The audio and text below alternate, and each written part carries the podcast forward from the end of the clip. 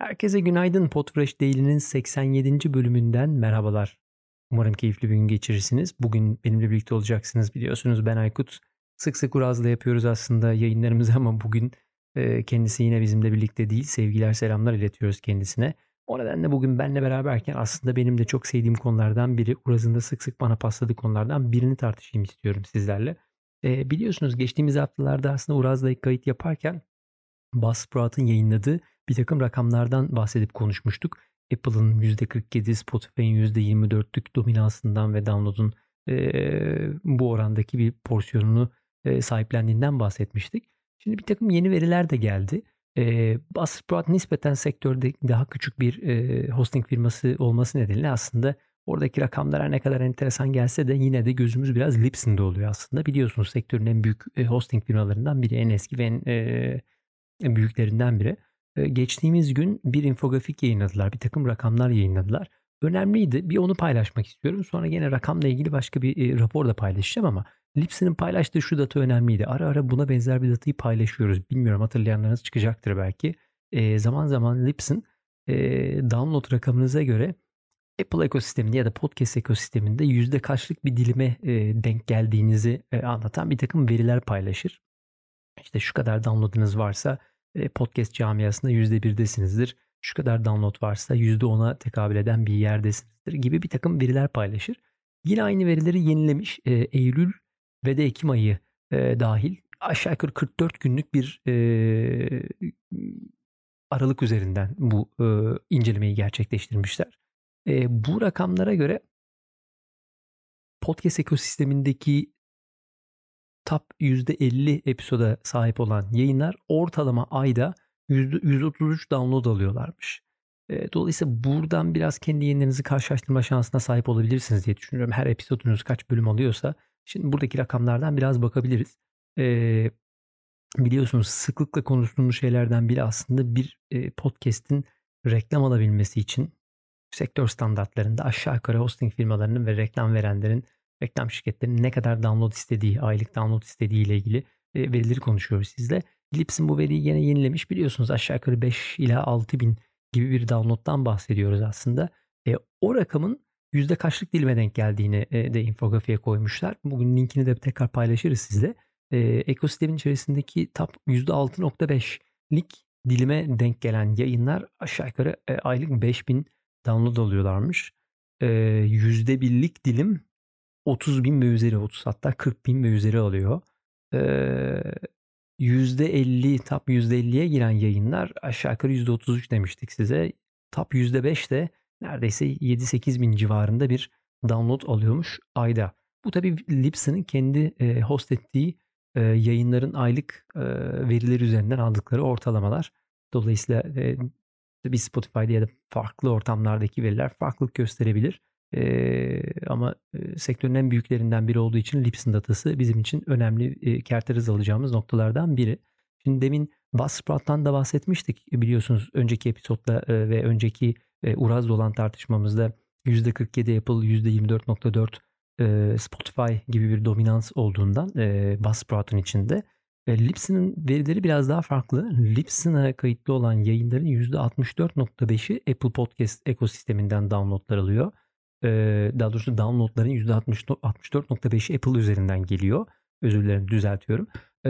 ve Spotify için baktığımızda %9.65 Spotify'da bir consumption olduğundan, tüketim olduğundan bahsetmişler. Yine karşılaştıralım. Buzzsprout'un verilerinde Apple %47 idi. Libsyn'da %64.5 Apple Podcast çıkıyor.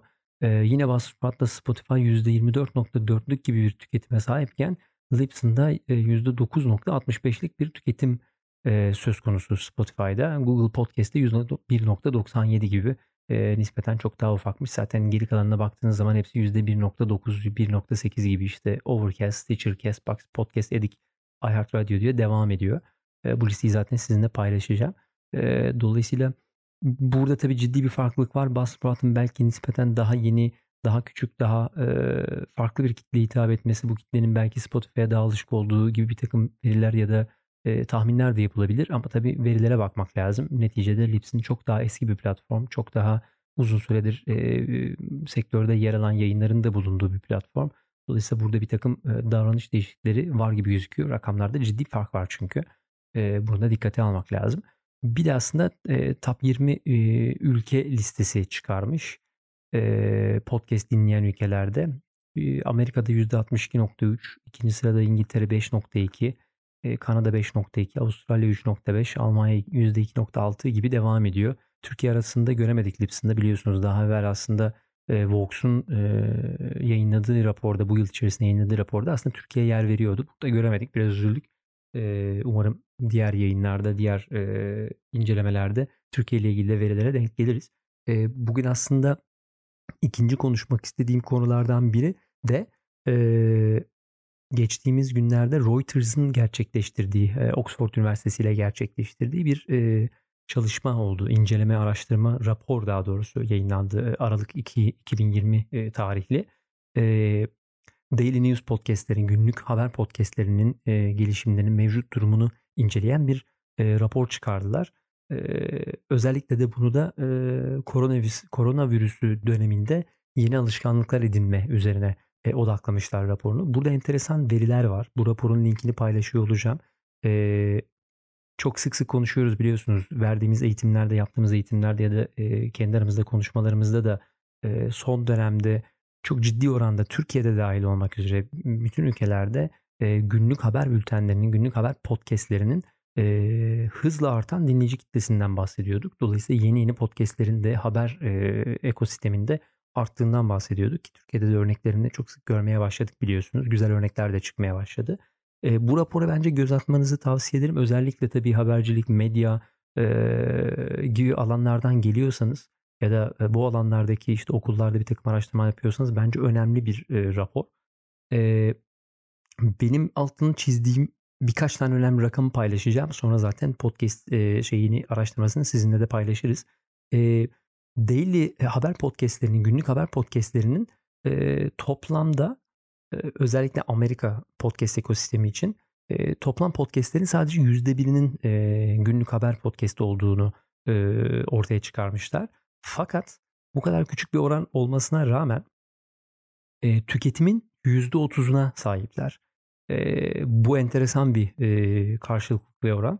E, dolayısıyla buna dikkat etmek lazım. Bu rakamı biraz incelemek lazım. Her ne kadar ekosistemin arasında e, nispeten daha az bir sahipliğe e, ya da yere sahipken tüketimin içerisinde çok ciddi bir oran olması oldukça enteresan. Zaten bunun üzerine uzun uzadıya e, içeride bir inceleme görebileceksiniz. E, 6 ülkede inceleme yapmışlar.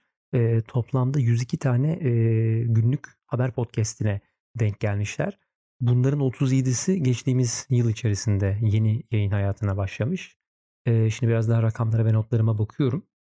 Özellikle yayıncılar e, günlük podcastlerin genç yaş, e, genç kitleye e, hitap ettiğini ve onları daha çok çektiğini ve onlarla etkileşimi arttırdığını, markaların da bu kitleyle etkileşimini bu yeni podcast, haber podcastleriyle arttırdıklarını söylemişler. E, dolayısıyla bunu da marka bağımlılığına olan ilginin ve bağın artması, e, churn'ün düşmesi, işte kaybın düşmesi gibi yorumlamışlar. Şimdi biraz daha rakamlarıma bakacağım. Sizin önündeki notlardan bakıyorum. tekrar söyleyelim. Bugünkü rakamlara göre 2004'ten beri olan bir takım verilere de bakmışlar ama bugün bile diyor 1.3 milyonluk podcast ekosisteminin yaklaşık %7'si news haber kategorisinde işaretlenmiş podcast. Demin dediğim gibi bunlar da yaklaşık tüketimin %30'una denk geliyor. Bu veriyi de bu arada Chartable'ın yaptığı araştırmadan edinmişler. E, onun da e, bilgileri e, gene bu raporun içerisinde var. Dolayısıyla buna bakabiliyor olursunuz. E, ülke olarak da kırmışlar. Amerika'da e, ki tüketimde haber %30, Daily News'lar %10. News ve Daily News olarak da kırmışlar. Fransa'da %45'e 9, Avustralya'da %20'ye 9 gibi e, iç kırılımları da burada bulmanız mümkün. Birkaç tane de spesifik podcast üzerinden, günlük haber bülteni, haber podcast'i üzerinden de e, rakam vereyim. Bunlar oldukça yüksek ve çok ilgi çekici rakamlar. E, bugün New York Times'ın verdiği bilgiye göre The Daily ki e, günlük haber podcastlerinin haber podcast'i kralı gibi ya da kraliçesi gibi adlandırılabilir bence. Günlük 4 milyon download alıyor. E, bu rakamın kendi e, ulaşabilecekleri diğer klasik mecralardaki rakamı çok daha katladığını ve çok daha fazla kişiye ulaştıklarını belirtmişler. E, hatta şunu bile söylemiş e, Michael Barbaro geçen sene Fox News'un ulaştığı kitleden çok daha fazla insana e, podcast üzerinden ulaşıyoruz diye de bir açıklama yapılmış zamanında. E, bu da oldukça enteresan ve dikkat çekici bence e, haber e, podcastleri açısından. Avrupa tarafına baktığınızda oradan da rakam vermek istiyorlar ama e, Avrupa'daki podcastlerin birçoğunun e, rakamlarını paylaşmadığı notu düşülmüş. Ama e, Guardian'ın yaptığı bir açıklamada kendi işte e, ana gemilerimizden Today in Focus podcast'inin de e, yüz binlerce insana ulaştığını ve hatta kendi basılı gazetemizden daha fazla insana ulaşabiliyoruz dediğini belirtmişler burada not düşmüşler. E, zira aynı şekilde Financial Times'ın news briefing'i e, aşağı yukarı ayda 2 milyondan fazla kişiye ulaşıyormuş. 2 milyon download alıyormuş. Belki daha da fazlası. E, bu rakamları tekrar inceleyebilirsiniz. Oldukça ilginç veriler görebiliyorsunuz burada. Hem ülke bazında hem de podcastler bazında. E, uzun süredir konuştuğumuz konulardan biri e, hızla artan ilginin haber podcastlerinde oluyor olması. Dolayısıyla bu e, rapor, her iki rapor hem Dips'in yayınladığı ama özellikle detaylı olan e, bu az evvel bahsettiğim Reuters'ın yayınladığı rapor bence çok e, uzun incelenebilecek ve içerisinden çok fazla bilgi edinebilecek raporlardan biri.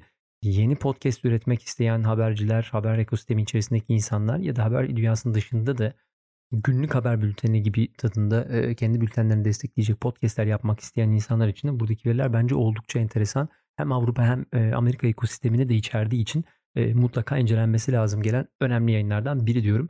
E, bugünlük bizden bu kadar. Tek başıma olan yayını umarım beğeniyorsunuzdur.